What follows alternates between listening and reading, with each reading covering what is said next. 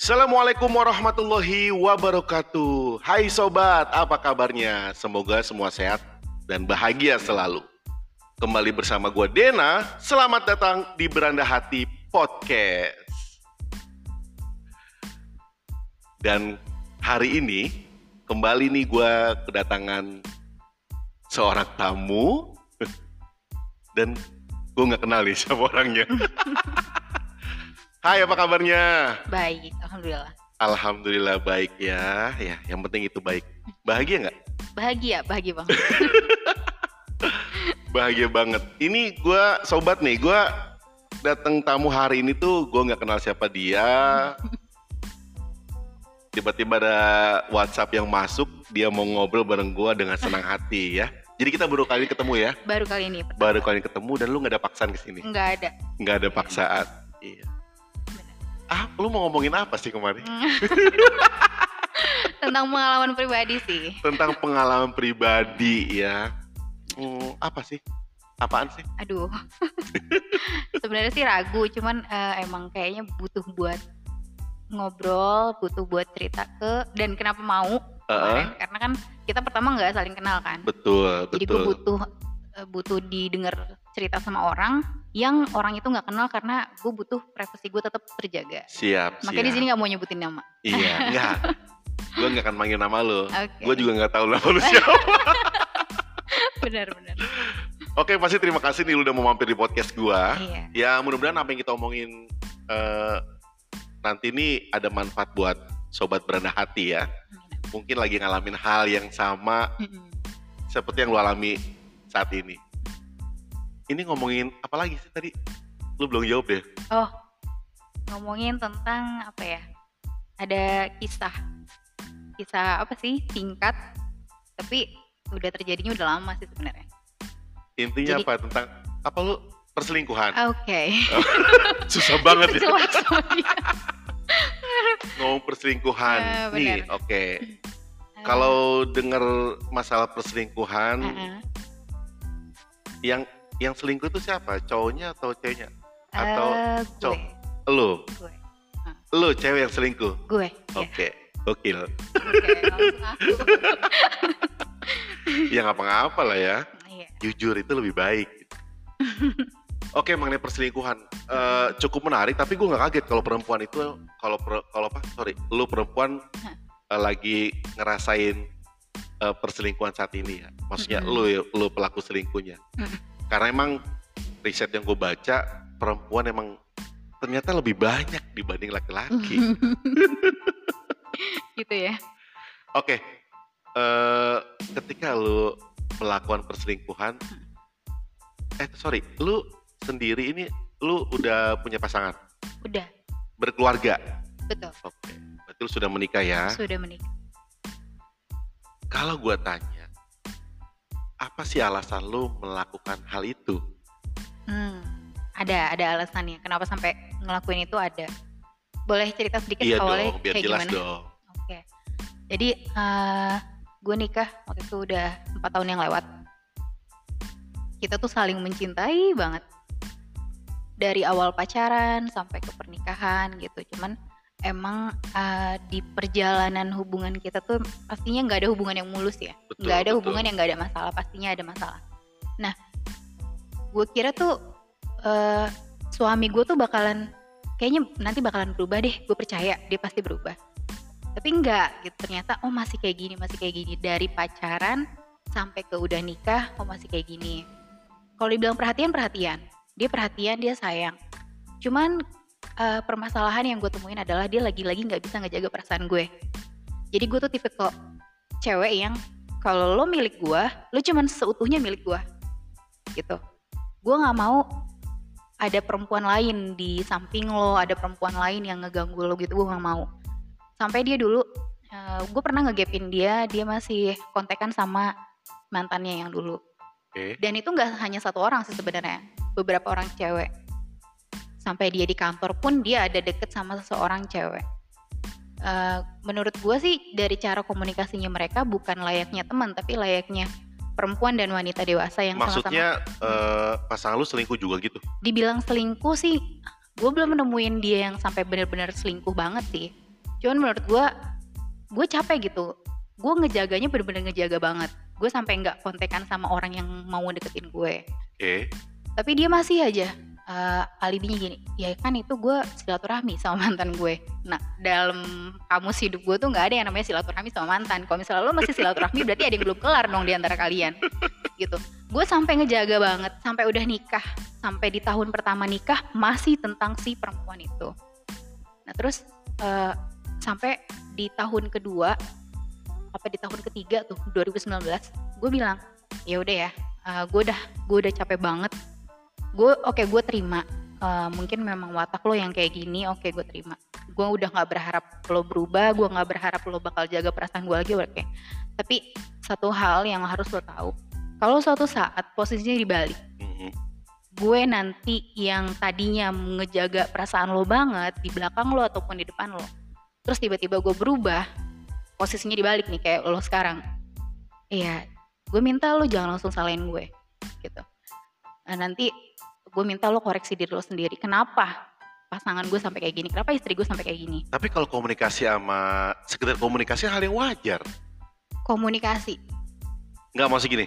Hah? Seintens apa sih kalau lu misalkan sudah tahu chatnya atau lu pernah lihat chatnya nggak sih? pernah pernah Seintens apa sih? Skala Se- komunikasinya gitu? seintens apanya? Kan kita juga nggak tahu kan handphone handphone dia gitu. Oke, dan gue juga bukan tipe orang yang suka ngecek ngecek handphone. Jadi kalau gue udah yang oh gue sayang sama lo lo sayang sama gue kita komitmen ya udah kita percaya gitu. Iya. Eh, lo mau periksa handphone gue silahkan. Nggak ada yang gue umpetin. Tapi gue untuk meriksa handphone lo gue juga nggak tertarik gitu. Mungkin salahnya gue juga di situ kali ya. Tapi bagi gue terlalu ngekang pasangan juga nggak nggak nggak nggak nggak sehat hubungannya gitu. Gue gue pengen pasangan gue tuh nyaman gitu sama gue tapi ternyata dengan kepercayaan yang gue kasih dengan cara yang kayak gitu kepercayaan gue oh lo salah. Cara salah menyalahgunakan kepercayaan yang gue kasih. Kalau dibilang catatannya kayak gimana gue udah pernah lihat. Em, intens banget. Terus dari cara manggil juga udah beda gitu. Manggil apa? aku kamu. Aku kamu kan biasa. aku kamu. Tapi kalau kalau gue bilang dia, dia jadi gini ada tuh pas gue lagi malam pas lagi makan malam sama dia. Terus Heeh. dia eh, di sms sama perempuan kamu lagi di mana? Aku pengen telepon katanya. Iya, iya. udah tapi sekedar itu doang. Terus aku aku tantangin dia ya udah tuh telepon aja sekarang. Coba kalau memang nggak ada apa-apa telepon depan aku. Kalian ngobrol kalau Dan memang nggak ada dan apa-apa. dia nggak berani telepon nggak berani nggak berani. Nggak berani. Jadi oh oke gitu. Terus ada lagi perempuan "Eh, lagi ngapain ganggu nggak? Aku pengen cerita nih. Itu perempuan yang beda. perempuan yang beda. Perempuan yang Wow. beda. Aku pengen cerita nih. Ya, di Mungkin dia situ- banyak penggemar kali dan, dan laki lu orangnya Iya mungkin mungkin itu kali ya. Maksudnya lebih humble gitu sama perempuan-perempuan. Makanya aku eh, ternyata nggak enak juga ya punya tadinya aku kagum sama dia gara-gara dia lembut lemah lembut sama perempuan gitu dia menghargai perempuan tapi kok ternyata kalau eh, setelah aku pelajari oh kalau kayak gini terus juga nggak baik iya. Gue juga lembut sama perempuan dan dan istri gue suka protes. nah itu gitu Iya macam-macam sih ya. Iya iya gue paham. tapi memang ada juga sih mungkin perempuan di luar sana yang nerima ya pasangannya kayak gitu nah kebetulan gue yang nggak bisa kayak gitu Iya, nggak bisa dipaksakan. Betul. Masing-masing punya sudut pandang yang berbeda. iya benar Nah, ketika lu melakukan hal ini, Heeh.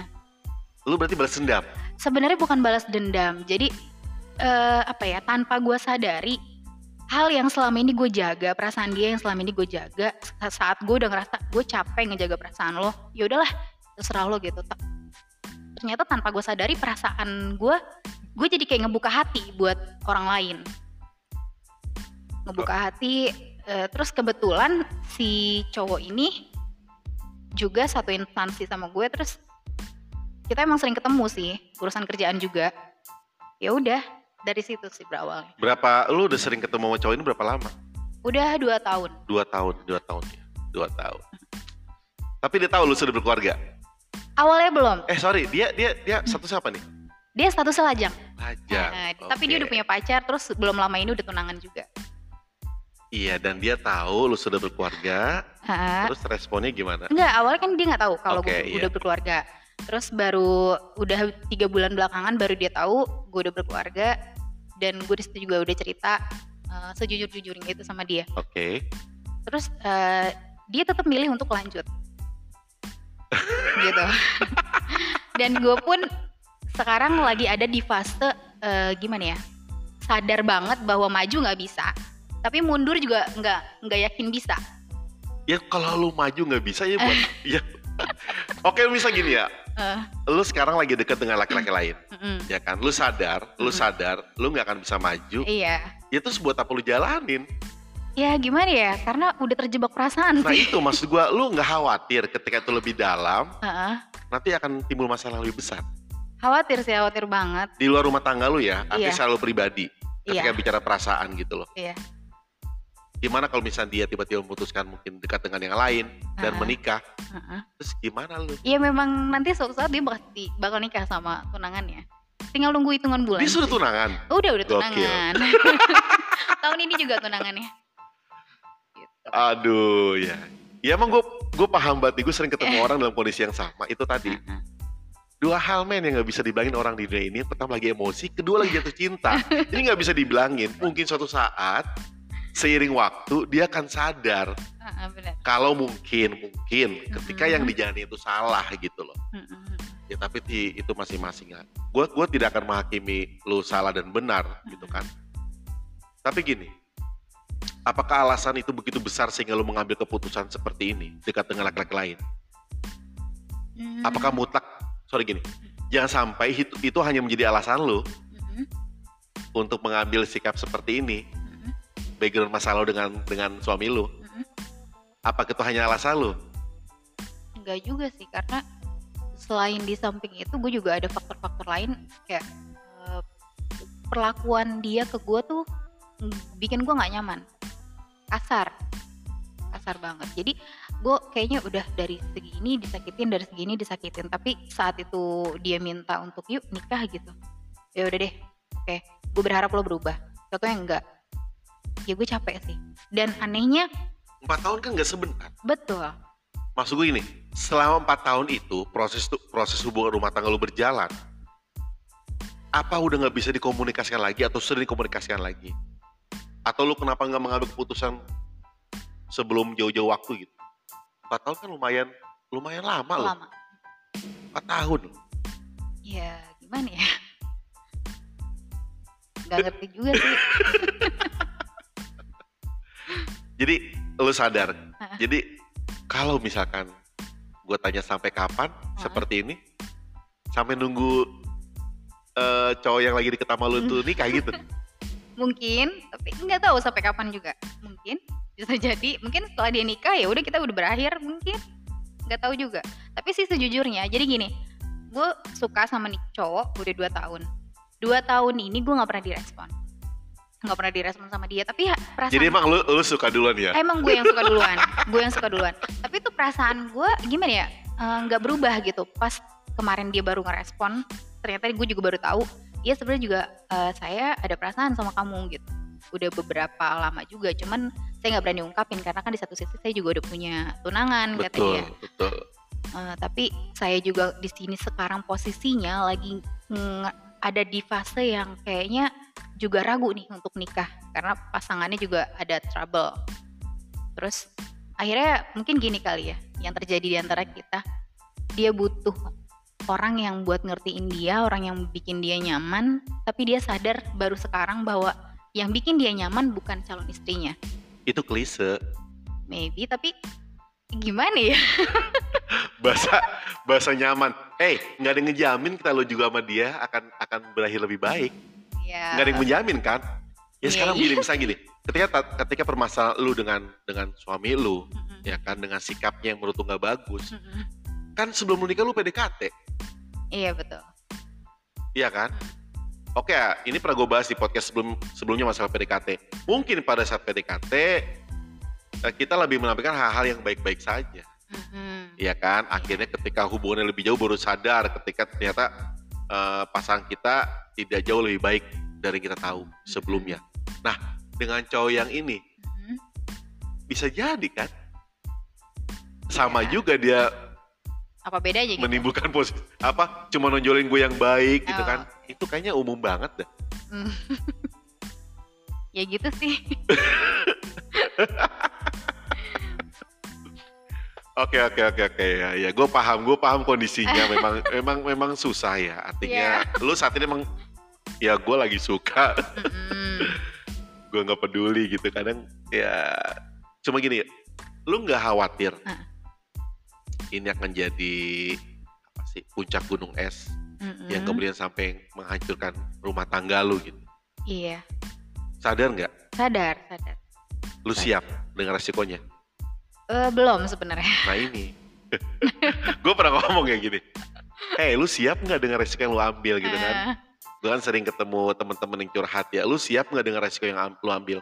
Kalau lu sudah mau ngambil langkah lu berani melangkah lu harus siap dengan resiko yang lu ambil kalau lu nggak siap dengan resiko yang ambil kalau bisa jangan Iya, iya, bener gak sih benar. artinya gini ketika lu mengambil langkah langkah yang lu jalani sekarang Heeh. ya terberatnya adalah lu sama pasangan lu bisa Iya. ya nggak sih Mm-mm. dan lu nggak belum siap Belum siap karena belum mempertimbangkan sepenuhnya banget sih. ya ini maksud gua kalau kalau sampai ini terjadi kan ya iya betul. Oke sobat ini luar biasa banget nih.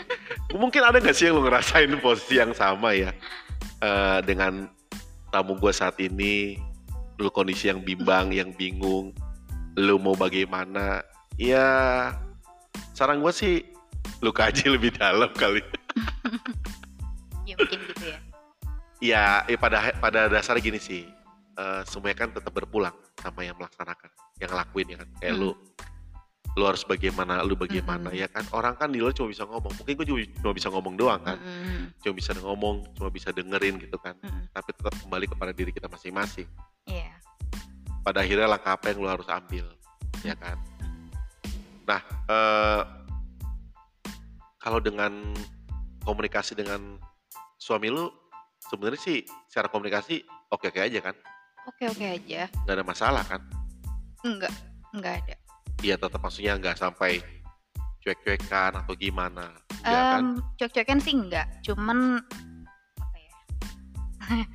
Jujur sih eh, kontak fisik udah enggak se kayak dulu. nggak untuk seks Bukan seks, So- sorry lebih kontak ke fisik kontak tuh. fisik tuh. Ya biasanya kan kalau suami istri kan ada aja ya kontak fisiknya maksudnya oh iya iya nah, iya gitu-gitulah. sisi romantis gitu ya Iya, itu udah Tapi- agak berkurang. tapi kalau seks seks biasa sih normal. kebutuhan beda ya bu Beda ya. Loh, cuman tapi kan seks masih berjalan Mas, maksudnya gimana? ya seks kan masih berjalan Seks masih berjalan oke, tapi kan di aduh gimana ya gue mau ngomongnya ya. Jujur udah enggak menikmati sepenuhnya. Eh, berat. iya gue paham Eh, kenapa lu nggak nikmati sepenuhnya eh, eh, ya kita juga nggak tahu suami lu juga bagaimana kan ya hmm, karena kondisi lu lu sedang dekat dengan hmm, ya. seseorang gitu kan. Jadi gue yakin eh, ya itu yang mungkin yang menghalangi. Dan mungkin juga eh, kalau secara kalau gini yang kita sadar kenapa seks tidak menikmati banyak faktor lah ya mungkin ya Mm-mm. entah pikiran lu, entah masalah di dengan Hmm, suami lu gitu. Itu itu jadi berpengaruh juga perasaan juga sangat berpengaruh ketika tidak nyaman akhirnya tidak bisa menikmati. Mm. Sejauh apa sih hubungan lu dengan selingkuhan lu? Si- oh, Oke. sejauh apa? Ya gitu aja sih. Ya kita komunikasi via WhatsApp, WhatsApp, sorry. Eh, eh. WhatsApp, teleponan kalau ada waktu-waktu senggang, terus apa? Jauh nggak sih? Jarak eh, kantor Nggak, ya? Sorry bukan kantor. Hubungan lu jauh nggak sih? Oh kalau ngomongin ke arah situ sih enggak, enggak sampai ke situ, Enggak. enggak, enggak Jujur. sampai ke situ. Jujur, enggak sampai ke situ. Karena gini, masih yang gue juga masih masih normal, maksudnya masih waras, maksudnya mikirnya, wah gue nggak berani, nggak berani. Tapi, Tapi lu eh, masih bilang diri lu waras ya?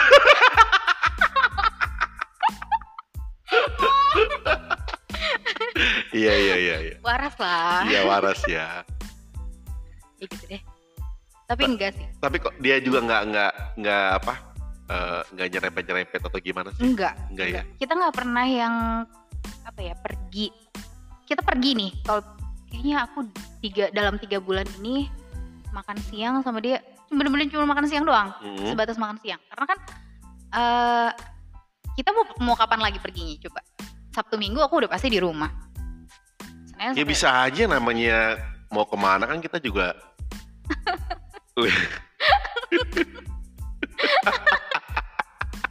Enggak, enggak, enggak. Oh iya. itu- Heeh. Kenapa? Oke, lu komunikasi WhatsApp kan ya? Iya betul. Lu nggak tahu ketahuan. Eh, enggak. enggak. Enggak kan karena dihapus terus. Oh, Iya, pinter ya. Atau namanya diganti kali. Namanya diganti. Iya sih enggak diganti. Enggak ya, enggak tetap. diganti. Enggak. Dan aku juga pernah aku cerita tentang dia ke suami. Kan ceritanya itu tentang apaan? Iya tentang kerjaan Tentang pastinya. kerjaan, karena kan, hubungan eh karena kan kerjaan aku sama kerjaan nih orang eh, eh, berkaitan. saling berkaitan, Iya, betul. iya, iya. ya udah gitu doang. Tapi kalau suami lu kerjanya apa sih? Maksudnya eh, Di instansi yang sama sebenarnya. di instansi yang sama. Betul. Iya, iya. Nah itu yang gue khawatirkan. Artinya, ah, ini kayak circle yang kecil banget loh, gila. Ruang geraknya sempit Bener, ya. gue sampai pernah ketemu kasus yang sama. Mm-mm. Gila loh kalau sampai ini ketahuan. Mm-mm. Ini bukan masalah instansi, tapi keluarga besar cuy. Bilang gitu. Teman gue pernah.